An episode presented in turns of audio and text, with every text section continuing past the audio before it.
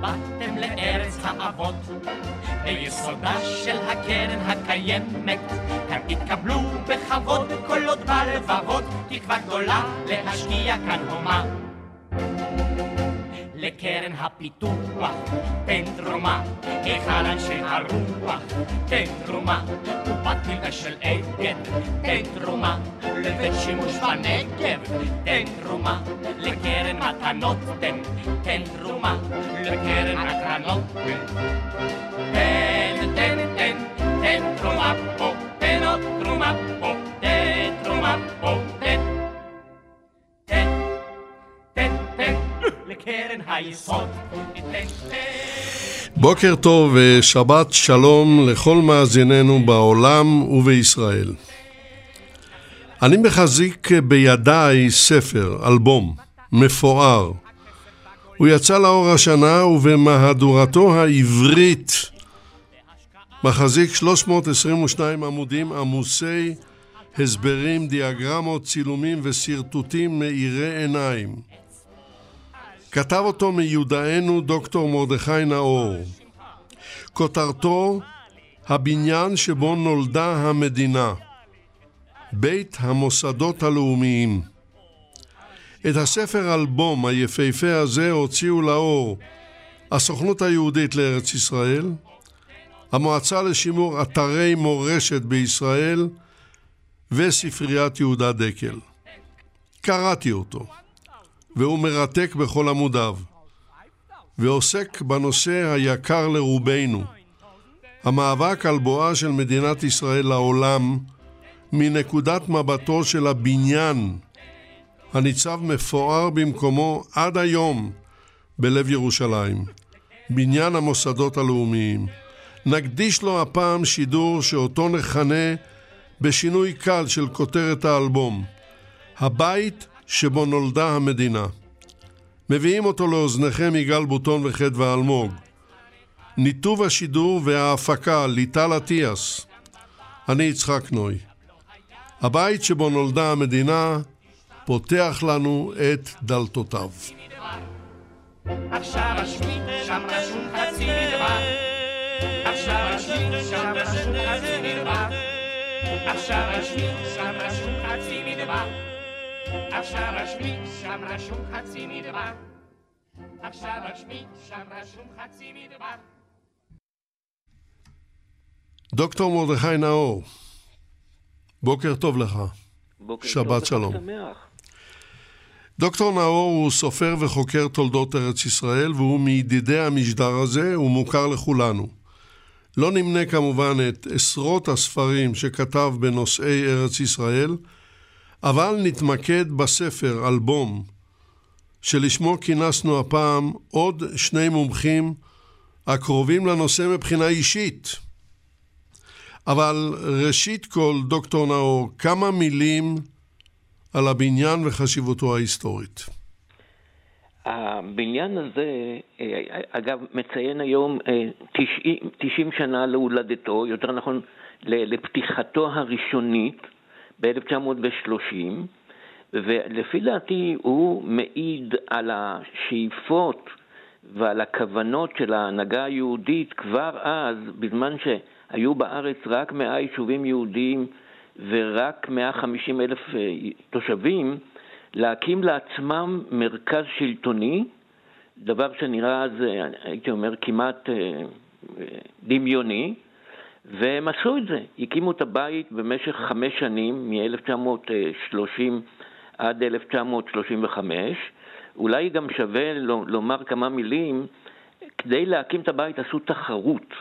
רגע, אנחנו נגיע לתחרות, נגיע אליה. בואו כן. קודם כל אה, נרחיב את הדיבור. בכל אופן, הבית הזה, אה, הוא היווה את הלב והמוח של היישוב היהודי עד הקמת המדינה, וגם אחר כך, אבל קודם, אה, לפני הקמת המדינה, כל החלטה חשובה התקבלה שם.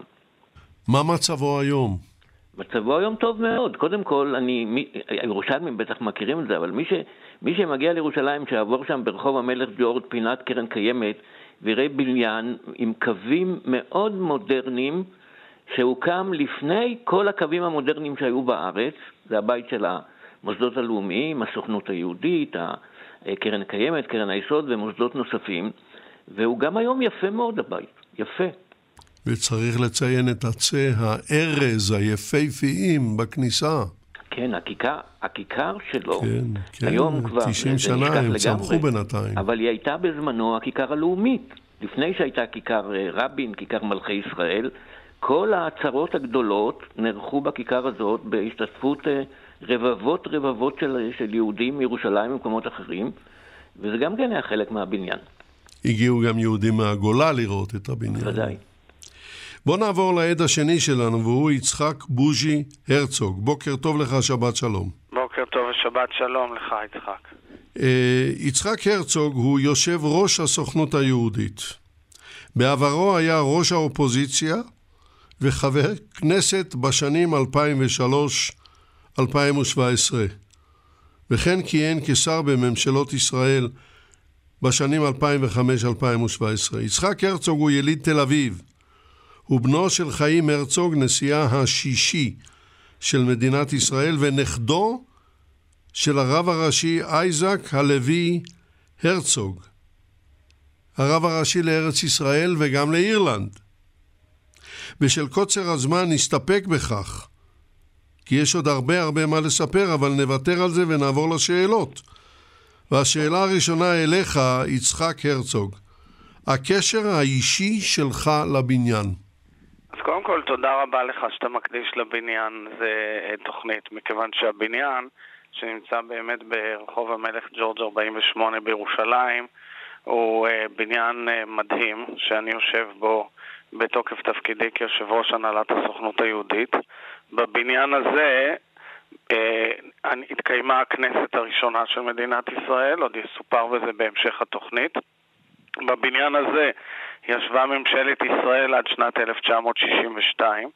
בבניין הזה ישבה ההנהלה הציונית והובילה משואה לתקומה, ובבניין הזה ישב דוד בן גוריון למעלה מ-20 שנה, ואני יושב בלשכתו. כך שהקירות של הבניין הזה מדברים היסטוריה, וכל יום שאני נכנס לבניין אני אומר לעצמי, מה שמעו הקירות הללו? את הכל.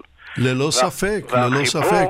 אבל מה הקשר אני, המשפחתי שלך? וכשנכנסתי לתפקידי, העליתי פוסט וציוץ כמנהג הימים האלה, וסיפרתי ש-71 שנה לפני כניסתי, כלומר לפני 73 שנה, אימא שלי, אורה הרצוג, תיבדל לחיים ארוכים, נפצעה קשה מאוד בפיגוע הנורא, פיגוע התופת הראשון בעצם בהיסטוריה של המדינה, ב-11 במרץ 1948, כשהמטרה הייתה דוד בן גוריון וכל ההנהגה הציונית. אימא אה, הגיעה לבניין יחד עם פרופסור אהרון קציר, זכרו לברכה, מי שלימים נרצח בפיגוע תופת בנמל תעופה בן גוריון.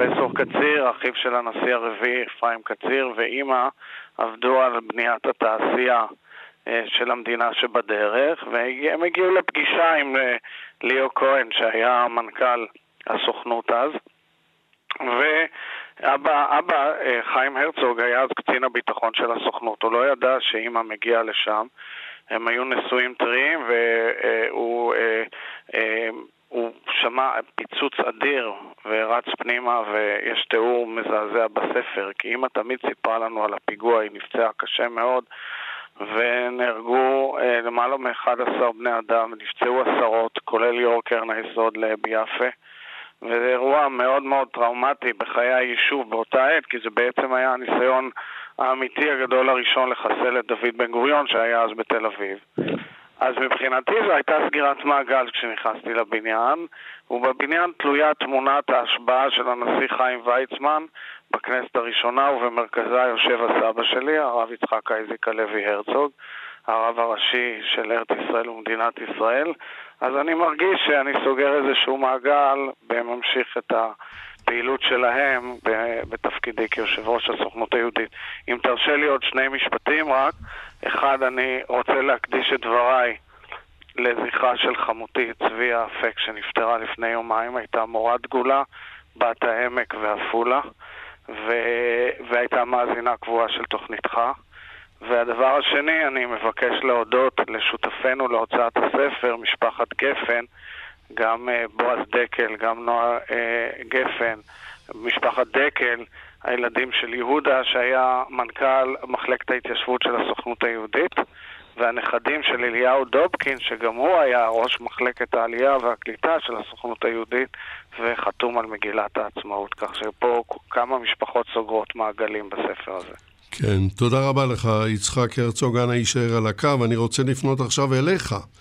אלי אמיר, בוקר טוב לך, שבת שלום. בוקר טוב ושבת שלום לך ולהרצוג וכמובן לנאור. כן, כל אחד שומע את השני וזה טוב. אלי אמיר, הרשה לי להציג אותך למאזינים. סופר ישראלי נודע, שפרסם עד היום שבעה ספרים, הראשון שבהם, תרנגול כפרות, יצא בהוצאת, סליחה, בהוצאת עם עובד ב-1983, והאחרון, נער האופניים, יצא גם בהוצאת עם עובד בשנה שעברה, שבה גם זכה בפרס ברנר. זה כמובן לא היה הפרס היחידי, הוא קיבל הרבה פרסים בימי חייו, אבל זמננו קצר. אנחנו רק נוסיף שאלי אמיר הוא יליד בגדד, הוא היום בן 83, הגיע לישראל בגיל 13, ובין שאר תפקידיו היה מנכ"ל עליית הנוער בסוכנות היהודית. מה הקשר שלך לבניין? תשמע, אני אחרי ששמעתי את בוג'י מדבר על הייחוס שלו ועל הבניין והקשר איתו, אני נכנסתי מתחת לשולחן ואני מקווה שישמעו אותי טוב. אני הגעתי לבניין הזה דרך הרגליים, הייתי נער שליח על אופניים במשרד ראש הממשלה, במשרדו של בן גוריון, שהוא נמצא מאחורי הסוכנות היהודית אה, אה, ממש, חלק מהבניין, אבל הוא נמצא מאחוריו אבן גבירול אחד, ליד ראש רחביה. ואני באתי לבניין הזה שכבר שמעתי עליו וקראתי עליו, ומיום בואי לארץ ריקה אותי הסאגה הזאת של הקמת המדינה והאישים שלה. וקראתי בלי סוף, עוד בקיבוץ ואחר כך גם בעיר ועד היום. ובאתי לשם למסור מכתב ליושב ראש ההנהלה באותה תקופה, ואני נכנס לבניין הזה בדחילו והרחימו עם רגליים, איך אומרים, עם ברכיים אה, רועדות. ודווקא שוער הבניין קיבל אותי מאוד יפה והראה לי איפה אה, לאן לעלות למסור את המכתב, זה בחדר של בוג'י היום. בקיצור, אני עולה למעלה באמת בדחילו ורחימו, ואני מעז לשאול את המזכירה איפה היה חדר הישיבות של ההנהלה הציונית. אז היא אומרת לי, תכף אני אסדר לך הדרכה. ובא אליי איזשהו יהודי ולקח אותי להראות לי את החדר. חדר פשוט, בוז'י יספר לך עליו היום, אני מקווה שלא השתנה, השתנה מאז לא, לא השתנה, מאוד יפה עדיין. כן. מאוד יפה. נחשב, אתה נחשב עמוד תווך בסוכנות, אלי היקר, זה הכל בסדר. תודה. ואתה יודע, שובת, שובת הלב פשטותו של המקום הזה. ושולחן רגיל גדול, וכיסאות רגילים, אפילו uh, והוא מסביר לי, האיש הנפלא הזה, ששכחתי את שמו, אה, איפה ישב כל אחד. אומר, פה ישב בן גוריון, אני הולך לשם, מלטף את הכיסא. פה ישב שרת, אני מלטף את הכיסאות. ויש לי הרגשה של התעללות, אני חייב להגיד. פה ישבו גדולי האומה. פה הוכרע הגורל, פה הייתה, כמו שבוג'י עכשיו סיפר, הממשלה ישבה פה. אחר כך הוא לוקח אותי אה, לחדר נוסף, ושוב הוא פותח ואני רואה את הרצל.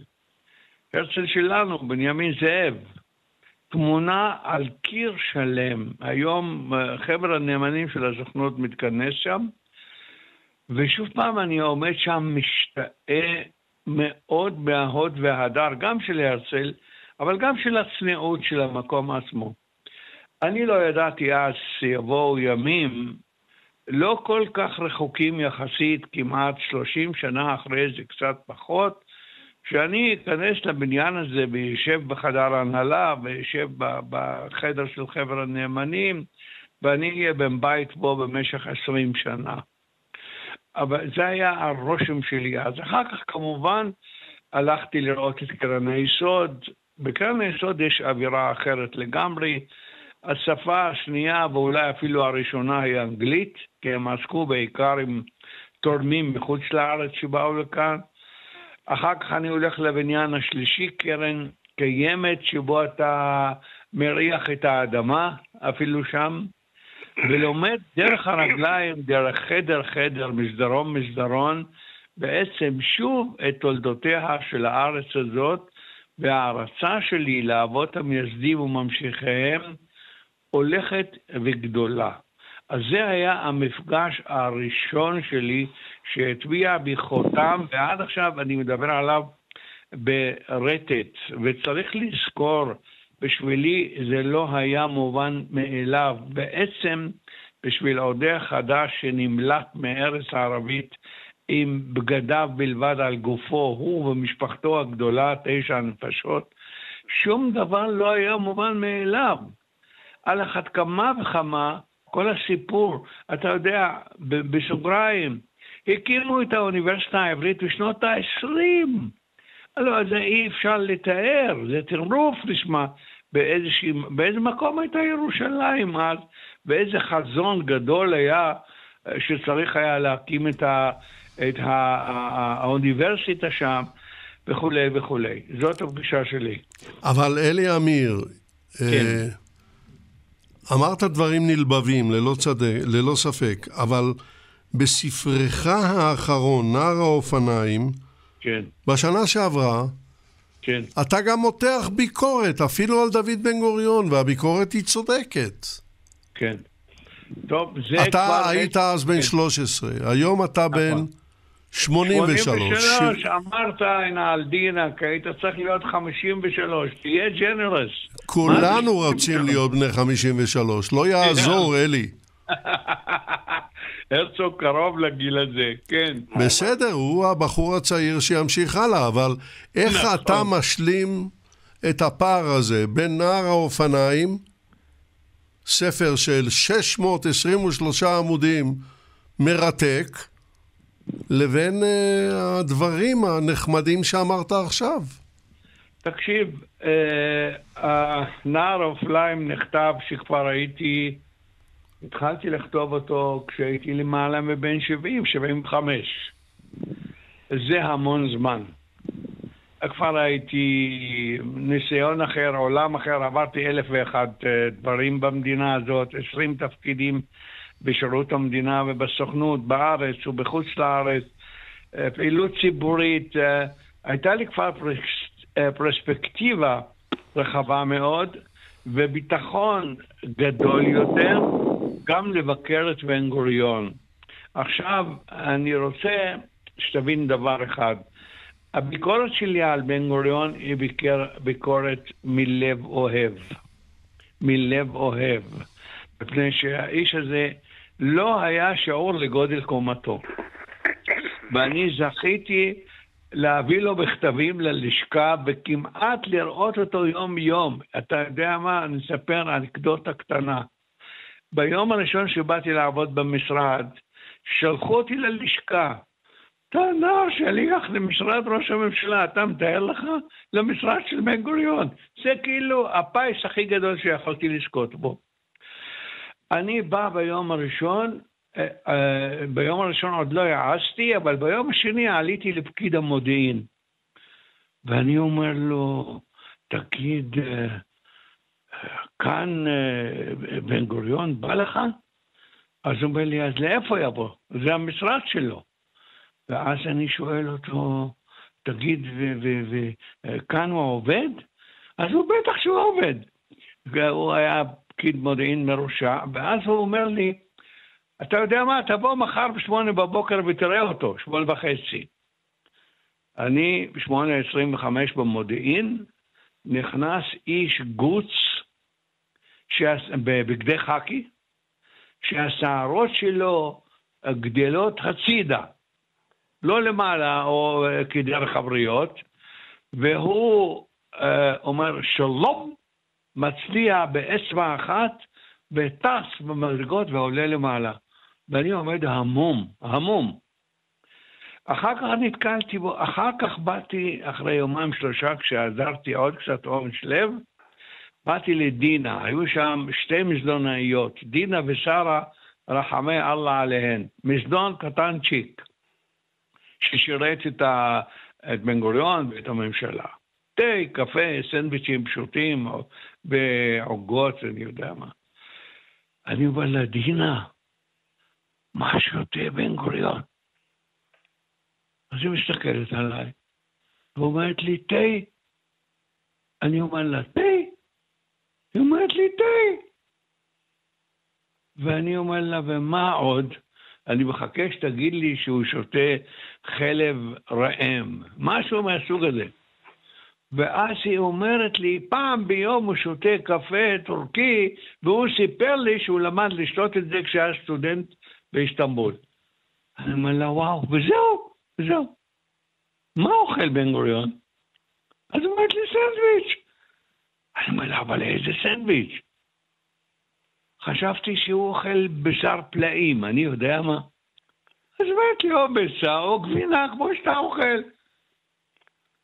בצהריים, עכשיו אה, אה, הוא היה הולך לאכול את זה בבית. זה לא היה בתקופת, אה, אתה תשלח לי, כן, זה לא היה בתקופת החמגשיות, וגם זה לא היה בתקופת השמפניה הוורודה, ועוד כל מיני דברים מהסוג שאנחנו רגילים אליהם פה היום.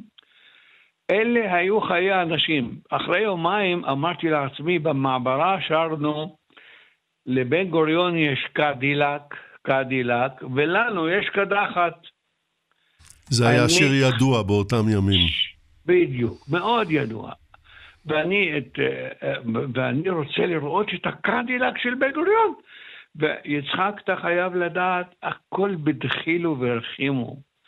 ברעד של נער בן 16, כן. שכל העולם הזה חדש בשבילו, והוא שותה אותו, ואוכל אותו, ומעכל כן. אותו. אלי אמיר, בוא, בוא רגע, תישאר איתנו רגע, עכשיו. רגע, אני מסיים את המשפט. דבר. הקדילק היה ווקסהול קטן, קטנטן, שבן גוריון יכל היה להיכנס אליו. אבל ארלה, שובר הראש שלו, שלפי מיטב ידעתי חי עד היום, למעלה ממטר שמונים, הוא לא היה מסוגל להיכנס לאוטו הזה. אז זה היה הקדילק, ואלה היו מנהיגי המדינה. כן, בוא יישאר איתנו על הקו, ואני רוצה לעבור אליך, דוקטור נאור. דיבר אלי אמיר על הפשטות של החדר החשוב הזה, מה שמעביר אותנו באופן טבעי לשאלת המכרז על הקמת הבניין. מה אתה יכול לספר לנו על זה? המוסדות הלאומיים, כמו שקראו להם אז, ההנהלה הציונית, עוד אין סוכנות יהודית. אני מדבר על שנת 28.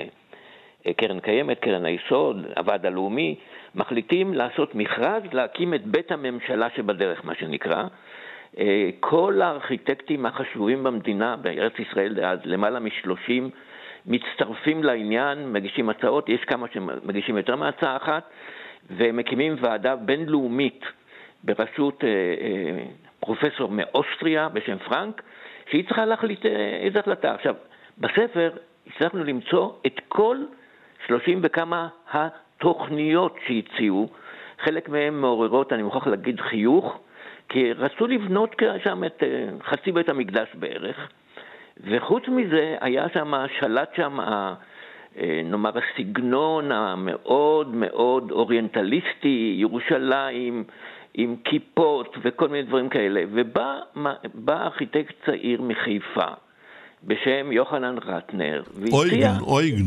אויגן יוחנן רטנר, שהיה אז מרצה, מרצה מתחיל. תראה, כל הטכניון הוקם ב-1925 ואנחנו ב-28.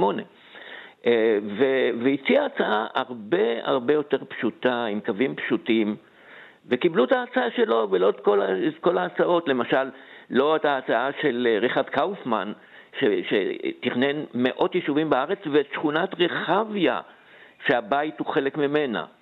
ו, ובנו לפי, לפי התוכנית שלו את הבית, והמעניין שבנו את הבית בחלקים. בהתחלה רק את החלק של הקרן הקיימת מצד שמאל, אחר כך רק את החלק של קרן היסוד מצד ימין. בסוף את האמצע של הסוכנות היהודית, וככה נוצר הבית הזה העגול, אה, ו- וכולם, מי שראה אותו מהארץ ומחוץ לארץ התפעל מהפשטות שלו.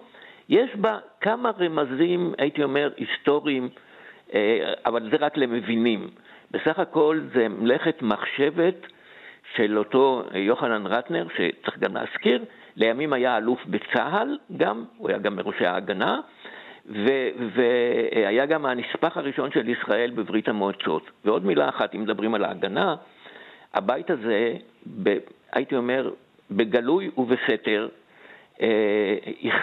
אחסן אה, את ההגנה בירושלים הרבה, הרבה מאוד שנים, תחנת האזנה לבריטים, ואולי לא פחות חשוב, מפקדת השיירות לירושלים במלחמת העצמאות הייתה בתוך הבית הזה. כן, סיפורים על סיפורים. אני יכול להוסיף... אנחנו, ו... אני רוצה לעבור אליך, יצחק הרצוג. בבקשה. ולשאול אותך הפעם, לא על האבא, הנשיא השישי של, מדינה, של מדינת ישראל, אלא על הסבא. אני רוצה לדבר עכשיו על אייזק הלוי יצחק, יצחק. הרצוג. כן, בבקשה. כן, השם שלו זה, השם שלו זה יצחק אייזק הלוי הרצוג, אייזק זה השם השני. כן. אבל מכל מקום אני יכול להגיד לך שהבניין הזה חווה חוויות מסעירות. אגב, הוא חווה גם היום, נוכל לדבר אחר כך על כל מה שנעשה גם היום. אלי אמיר הזכיר את הפעילות, אז אני יכול לומר לך, אלי הרי עבד בצמידות לאריאל לובה אליאב, זכרו לברכה, וכפר הנוער ניצנה, אה, שהוא מפעל חייו של לובה אליאב, פועל ושוקק חיים, אה, והוא שייך לסוכנות היהודית גם בימים אלה. אבל אני אחזור לשאלה שלך לגבי הסבא שלי. אז גם הסבא שלי וגם הסבתא שלי, הרבנית שרה הרצוג, השתתפו באירועים מאוד דרמטיים שקשורים אה, למאבק לעצמאות ישראל בבניין הזה, כולל אה, הפגנות גדולות מאוד כנגד הספר הלבן, אה, שזכו לתעודה עולמית. בשנת 39, שנמנעה עליית יהודים לארץ ישראל. וגם אה, קניית קרקעות. וגם קניית קרקעות, נכון.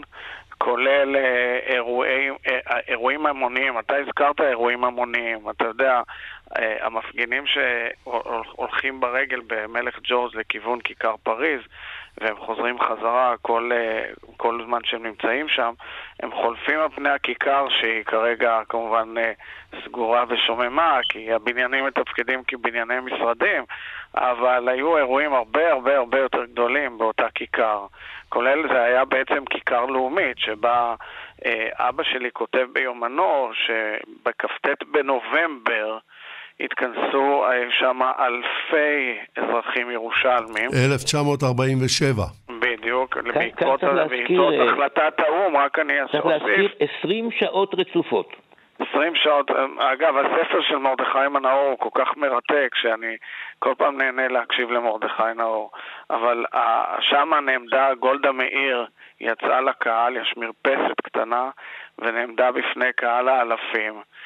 אה, כלומר, האירועים היו אירועים משמעותיים מאוד, אה, עד אה, שהממשלה העתיקה את מושבה לקריית הממשלה שאנחנו מכירים אותה היום, והבניין הזה ספוג אה, אירועים עצומים. עוד לא הגענו לדבר על השבת השחורה ועל העוצר שהוטל על הבניין, על הפשיטה של הצבא הבריטי שרוקן את הבניין מתכולתו. אה, גילחו את כל הקירות של חדר הישיבות, אותו חדר ישיבות שדיבר עליו אלי אמיר כדי לחפש תחמושת ומסמכים סודיים והבאר הסודית שנמצאת בחצר הבניין שבה באמת הוחבא אה, כנראה האמל"ח לפיו אנחנו נגיע גם לזה, ללא ספק. כן. ואז לכן אנחנו חשבנו, במלאת 90 שנה לסוכנות היהודית, אה, לעשות משהו אחר, לא איזה אירוע המוני, אלא להוציא ספר, אני חשבתי אבל להוציא... אבל אני רציתי לדבר ספר. על הימים ההם, אנחנו נגיע אולי, לפי הזמן,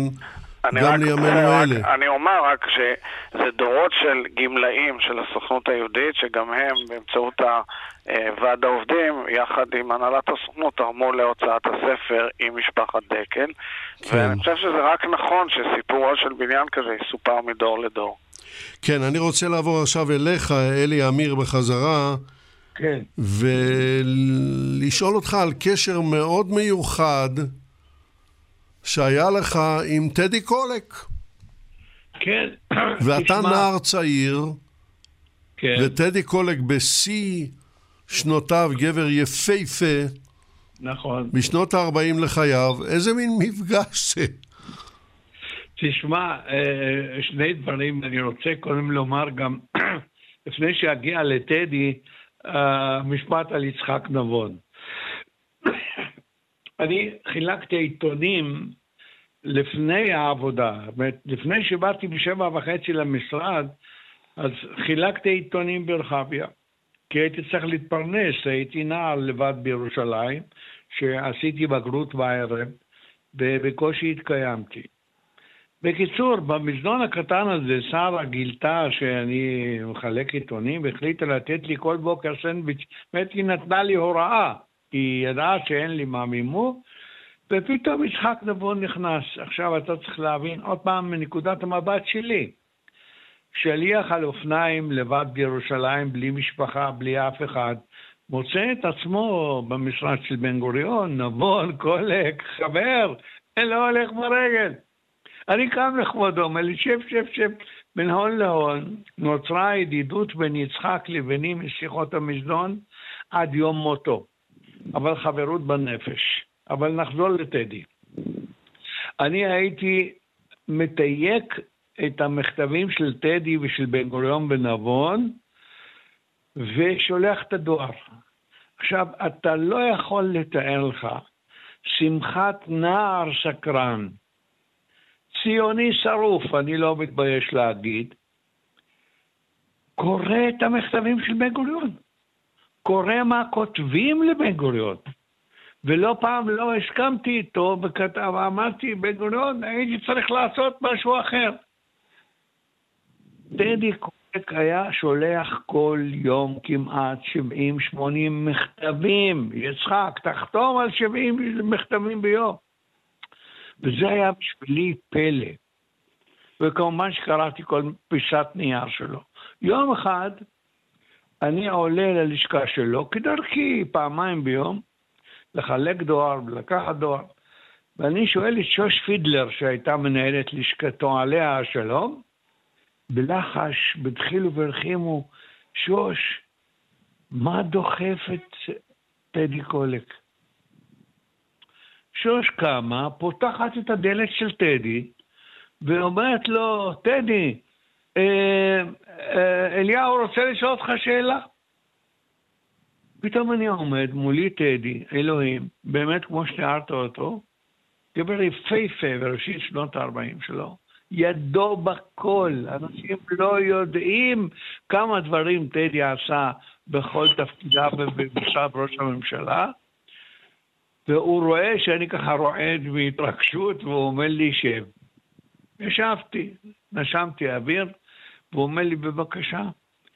אמרתי לו, טדי, אתה יודע שאני מתייק את המכתבים שלך? הוא אומר לי, כן, שוש אמרה לי.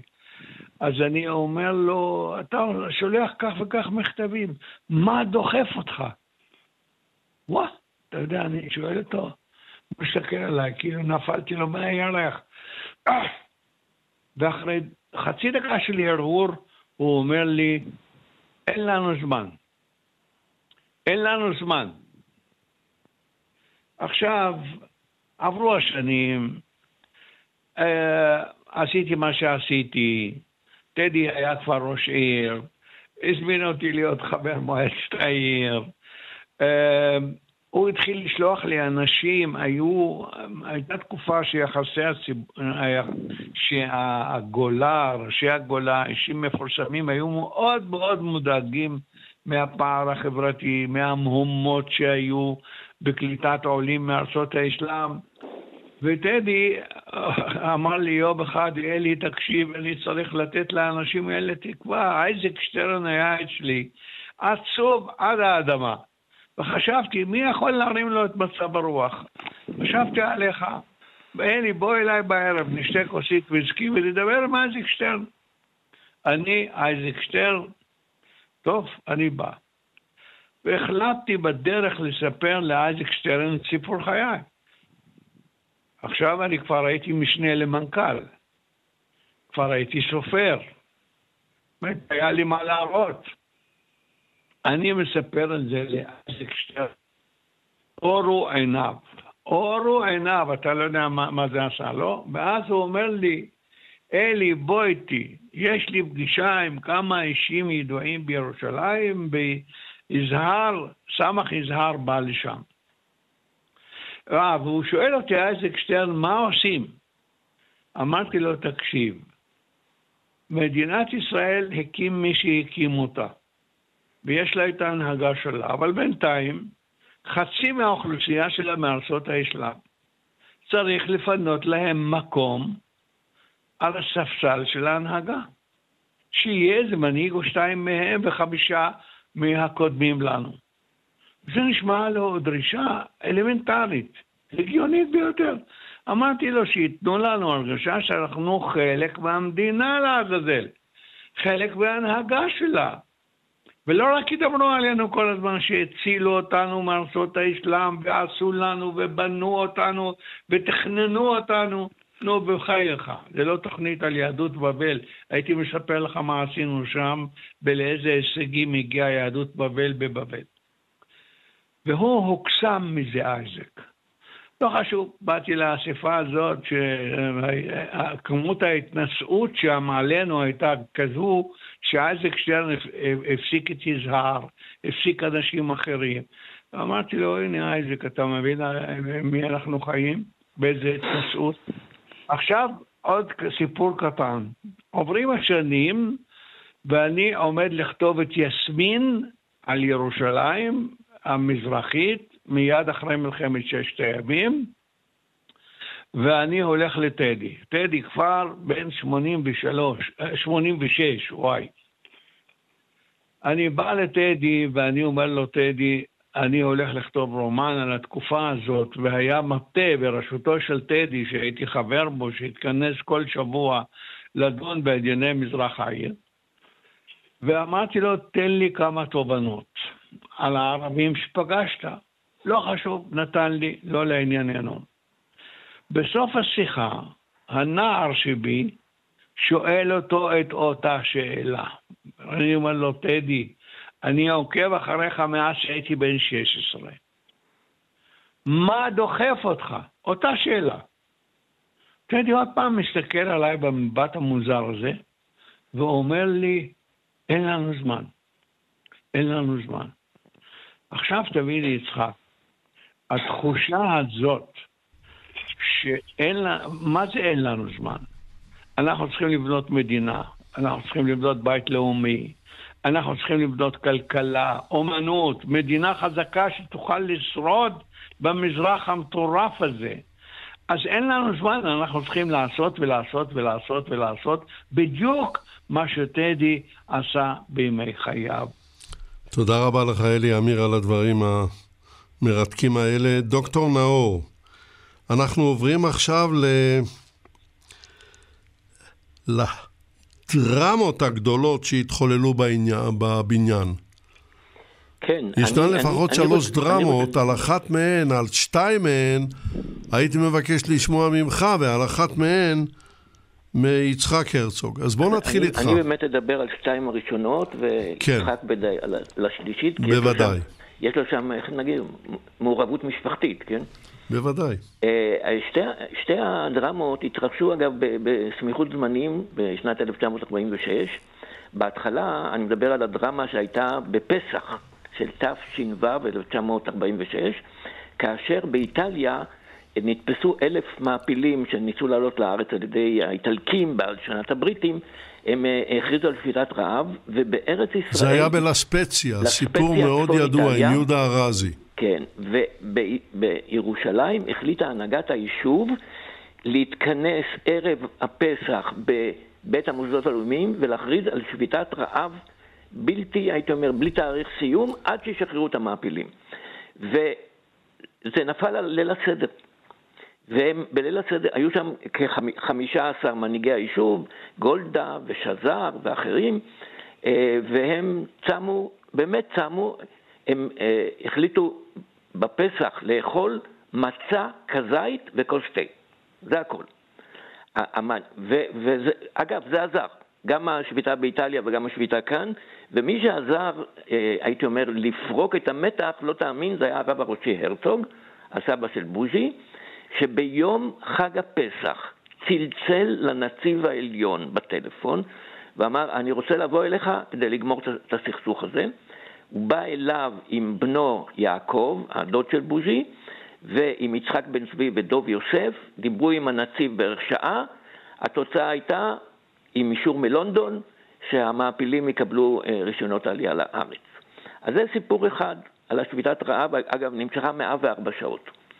הסיפור השני היה די אחרי זה, זה כבר הוזכר, בשבת השחורה, 29 ביוני 1946, לא רק שמנהיגי היישוב ואלה שעבדו בבית אה, נאסרו, אה, בראשם משה שרתוק, ובילו כמה חודשים רעים מאוד במחנה לטרון, אלא הבריטים השתלטו על הבית והחזיקו בו עשרה ימים, וכמו שכאן נאמר, פירקו אותו, לקחו את כל התכולה של הארכיון הציוני שהיה בבית, בדקו כנראה מסמך-מסמך, הם רצו להוכיח שהסוכנות היהודית קשורה להגנה, אגב, זה לא היה קונץ גדול להוכיח את זה, ואחר כך הם החזירו את הבית, והבית היה במצב נוראי, לקח כמה ימים לשפץ אותו, והדרמות האלה, אם נוסיף להם את ההפגנות הגדולות נגד הספר הלבן, והפגנה גדולה לזכר הנספים בשואה, ועוד דברים כאלה, זה היה מה שנקרא הלב הפועם של העם היהודי, ובטח של היישוב היהודי בארץ ישראל. בוודאי, בוודאי. יצחק הרצוג, אני מניח שהסבא שלך, יצחק הלוי הרצוג, היה בעל אוטוריטה מאוד גבוהה אם הוא יכול היה להרשות לעצמו בחג להרים טלפון לנציב העליון והנציב העליון עונה לו ומקבל אותו. כאן צריך גם להעיר שהוא הלך ברגל שלושה וחצי קילומטר. לכל כיוון. מרחביה לבית, לבית הנציב, לארמון הנציב, וגם חזר, הכל ברגל. כן. יצחק... צריך לומר שבאמת אה, הרב הראשי היה דמות... אה, מתוקף תפקידו, קודם כל הדמות הרשמית הכי בכירה בתקופת המנדט. כמובן שהמנהיגות הפוליטית אה, של היישוב הייתה יו"ר הסוכנות היהודית דוד בן גוריון ושאר ההנהלה. אבל מבחינת המעמד בכתב המנדט והמנדט הבריטי, מבחינתם הפרוטוקול, הרב הראשי היה הדמות הבכירה ביותר, והיה לסבא שלי גם מעמד מיוחד. הוא היה אדם אה, עם תואר דוקטור במדעים, הוא היה אה, דובר אה, אנגלית אה, פנטסטית, איש רוח ואדם שאפפה אותו קדושה גדולה מאוד. והם התייחסו אליו בהערכה עצומה אה, לסבא שלי, אה, הנציב העליון, ולא לא פעם ולא פעמיים עם טרגדיות מאוד גדולות שאירעו באותם אה, ימים. אה, הוא התערב ככל שהוא רק יכול. ההתערבות האחרונה הייתה בנוגע לחללי גוש עציון, כי אה, הקרבות בגוש עציון התחוללו מיד עם הקמת המדינה, אבל הצבא הבריטי עוד היה בדיוק אז אה, באותה עת עדיין בתהליך היציאה. כלומר, היו הרבה מאוד אירועים, ובין היתר האירוע הזה שהרגע הזכרת. הנציב העליון היה מקבל כל שיחה מהרב הרצוג. וזה גם אפשר, אה, אחר כך גם סרטיפיקטים, כלומר תעודות שאפשרו עלייה לארץ, והרבה מאוד מאבקים. הם עברו תקופות, אני כל פעם אומר לעצמי, הרי הם, הם שמעו את הזוועות הגדולות ביותר מתרחשות. אחר כך את המלחמה הנוראית. כל הדור העצום הזה עבר רצף של אה, אסונות עד שהגיעה תקומת ישראל, וגם היא הייתה אה, כרוכה בהרבה דם. כן. ומה שכן חייב לומר, שכמובן הבניין היה מוקד להרבה מאוד פעילות שקשורה לא רק, כמו שנאמר, לשיירות במצור. אנחנו שוכחים את תקופת המצור, אבל השיירות הללו אפשרו את החיים של מאה אלף בני אדם בירושלים באותה עת. ולכן התייחסתי לפיגוע התופת ב-11 במרץ 48. אחר כך גם היה את הפיגוע בבן יהודה, ברחוב בן יהודה, פיגועים נוספים, שלגביהם יש הרבה מאוד uh, ספרים והיסטוריה. הספר האחרון שקראתי בעניין היה ספרו של דני רובינשטיין, שספר מרתק uh, על uh, משפחת אל-חוסייני.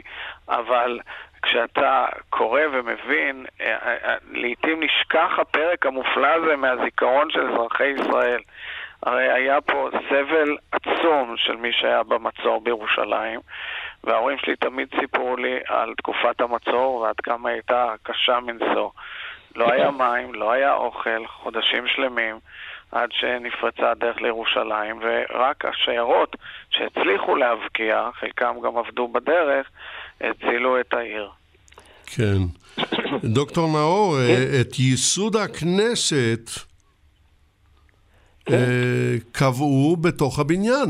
נכון. תראה, כאשר החליטו, כאשר היו בחירות והחליטו להקים את הכנסת, בעצם קראו לה אז אספה מכוננת, אה, חיפשו, בן גוריון אגב, אגב זה עוד בתוך המלחמה, מלחמת העצמאות. אה, בן גוריון, בן גוריון, סליחה, זה, זה אחרי המלחמה מיד. בן גוריון מחליט לעשות את זה בירושלים. אפילו שירושלים עדיין לא בירת ישראל, כי האומה לא רצה לעשות בה אזור בינלאומי, והם חיפשו בירושלים מקום, והמקום היחיד שבא בחשבון זה האולם, האולם הגדול, הגדול באופן יחסי של, של בנייני המוסדות הלאומיים, ושם הוקמה הכנסת, ולא רק זה, היא גם, אחרי כמה חודשים שבן גוריון החליט להעלות את הכנסת לירושלים, הכנסת חזרה לבניין הזה עד שהוכשר לה בניין פרומין. זאת אומרת, אם אתה מסתכל מה עשו בבית הזה לפני הקמת המדינה ואחרי הקמת המדינה, בעצם עד ימינו, זה תמיד כל המבצעים הלאומיים הכי חשובים שישנם. כן, בניין פרומין אגב נמצא כמה מאות מטרים. דרומה, כן, לא יותר. נכון, אבל חייב לומר לגבי האולם הנהדר הזה שנקרא היום אולם ויצמן, שבו באמת האספה המכוננת, הכנסת הראשונה התכנסה בכמה שבועות כדי להשביע את נשיא המדינה ולקבוע את כללי פעולתה, היא השביעה את הנשיא ויצמן. האולם הזה הוא מאוד מאוד פשוט. אבל, אבל כל פעם אה, יש בו הרבה מאוד פעילות של צעירים, אה, ודאי כשאין קורונה. הרבה מכינות והרבה קבוצות של עולים והרבה תלמידים. וכל פעם שאני נכנס לאולם, לאולם הזה, אני מסביר לכולם, כאן התכוננה, התכוננה הכנסת הראשונה של עמנו מזה אלפיים שנה. וזה משהו מיוחד, ויש את התמונה של השבעתו של הנשיא ויצמן, קבועה באמצע האולם, והיא נותנת את הקונטקסט ההיסטורי. אבל צריך לזכור, זה היה הבניין הכי גבוה, האולם הוא בקומה שלישית, אז היה, האולם היה הכי גבוה, זה השקיף על כל ירושלים אה, של אותם הימים, כשמשם היו רואים את הגדרות של ירושלים המזרחית. וכל אה, פעם אני אומר לכולם, כשרואים היום את הנוף של הכל בנוי מסביב, תדעו לכם שמשם היו מתצפתים ורואים אולי את הכותל וחולמים על הרגע שנגיע אל הכותל. אלי אמיר. כן, כן. מה רצית לשאול אתה? אתה עובר על פני הבניין היום? בוודאי שאני עובר על פני הבניין, ועכשיו באמת נזכרתי שאני צריך אולי להיכנס לשם, אז... אה, אתה מוזמן אה, תמיד. בוז'י, כן, אתה כן, צריך תוכלו להיפגש. כי לא נכנסתי, אבל על בניין פרומין אני רוצה להגיד משפט. מה? כן. אולי? תגיד לנו, אלי אמיר, בבקשה. כן. כן. אנחנו קרבים לסיכום, אתה מבין את זה, כן. כי הרבה זמן כן. כבר לא נשאר לנו. כן. על הבניין אז ועתה. כן. כמה משפטים, לא... אם אתה רוצה. אני רוצה לומר על משהו אחר, אם אתה אומר שאנחנו אה, משפט לסיום הגענו או עוד לא? אנחנו מיד מתקרבים למשפט אז לסיום. אז את המשפט לסיום, אני אגיד מה עושה הסוכנות היום, אבל תיתן לאלי להגיד מילה על נגיע לזה.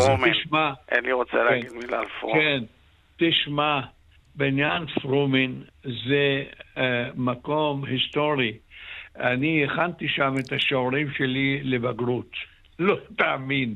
הייתי יושב ביציע, כי זה היה בניין מחומם במרכז העיר, ולי לא היה איפה להכין שעורים, וציגלר, הסדרן הראשי עליו השלום, יום אחד בא אליי, ואני תמיד פחדתי שיגרשו אותי, כי הייתי יושב שם שעות. והוא אומר לי, מה אתה עושה פה? אתה כותב פרוטוקול? אמרתי לו, לא, אני מכין שעורים. הוא שואל אותי למה, אני אומר לו, אין לי איפה. אז הוא אומר לי, מה, אם ככה, בוא. לקח אותי למזנון, אמר לי, אתה תמיד מוזמן לבוא למזנון, לשתותי פה העוגות, פה העוגיות, רק תיזהר שהמחברת שלך לא תיפול יום אחד על הראש של בן גוריון או בגין, ואז אני בצרות.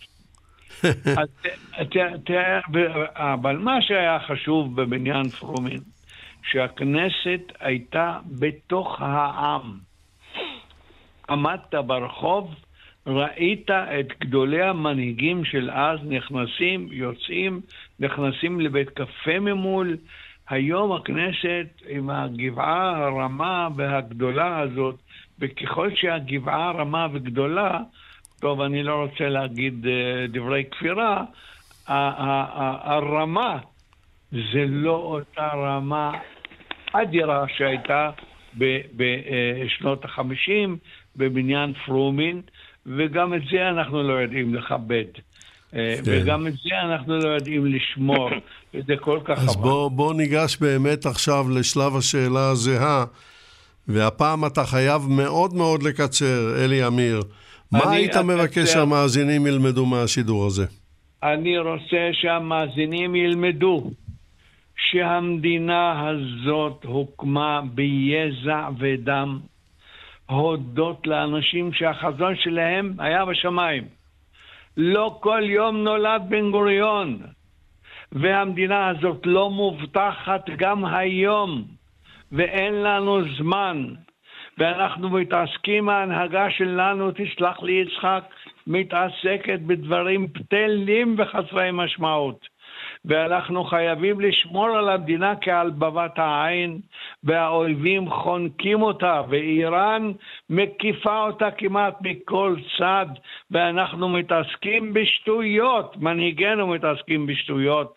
אנחנו צריכים לשמור על הבית הזה מכל משמר, כי לא מקימים כל יום מדינה לעם היהודי.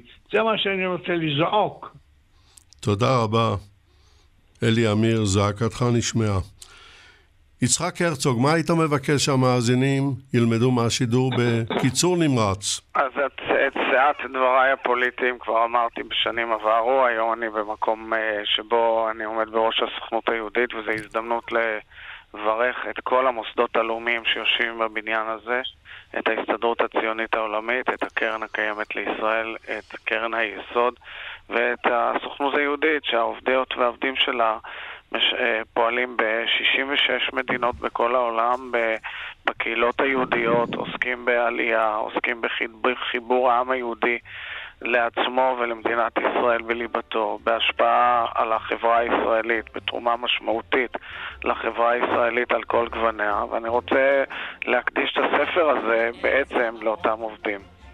תודה רבה, יצחק הרצוג. המילה האחרונה שלך, דוקטור נאור, יש לך 30 שניות, אבל לא יותר. כן, עסקנו היום בבית אחד בירושלים, המספק מבט אל חדר הלידה של המדינה. הבניין היה ונשאר, אני רוצה להדגיש, נשאר מוקד להחלטות חשובות ביותר. זהו חברים, הבית שבו נולדה המדינה. משדר מיוחד לציון 90 שנה לסיום החלק הראשון במתחם המוסדות הלאומיים בירושלים. הביאו לשידור יגאל בוטון וחדווה אלמוג, ניתוב ההפקה ליטל אטיאס. אני יצחק נוי, עמכם כאן באולפן בירושלים. לקרן הפיתוח, תן תרומה, היכל אנשי הרוח, תן תרומה, קופת מלגה של אגד, תן תרומה, לבית שימוש בנגב, תן תרומה, לקרן מתנות, תן, תן תרומה, לקרן הקרנות, תן, תן, תן, תן תרומה פה, תן עוד תרומה פה,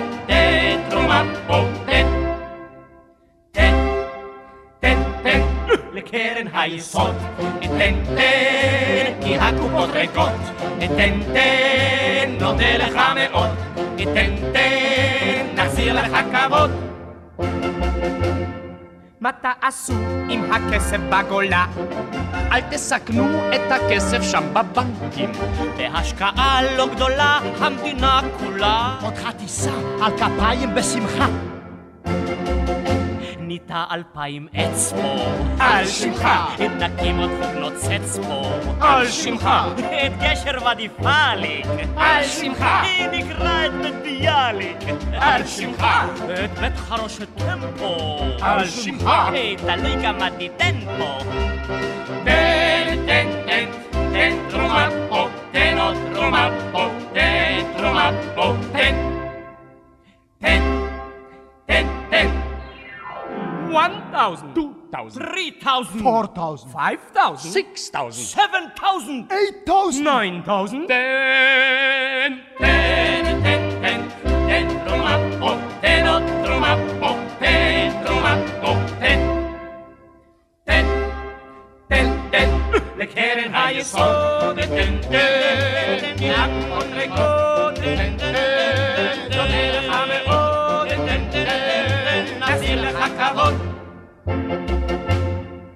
כשתחזרו מן הארץ לנכר, אז תספרו גם ברחוב וגם בבית, שם לא היה לי דבר עד שנתתי שטר, עכשיו על שמי שם רשום חצי מדבר.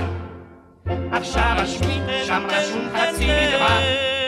עכשיו על שמי שם רשום חצי מדבר. עכשיו על שמי שם רשום חצי מדבר. עכשיו על שמי שם רשום חצי מדבר. עכשיו על שמי שם רשום חצי מדבר.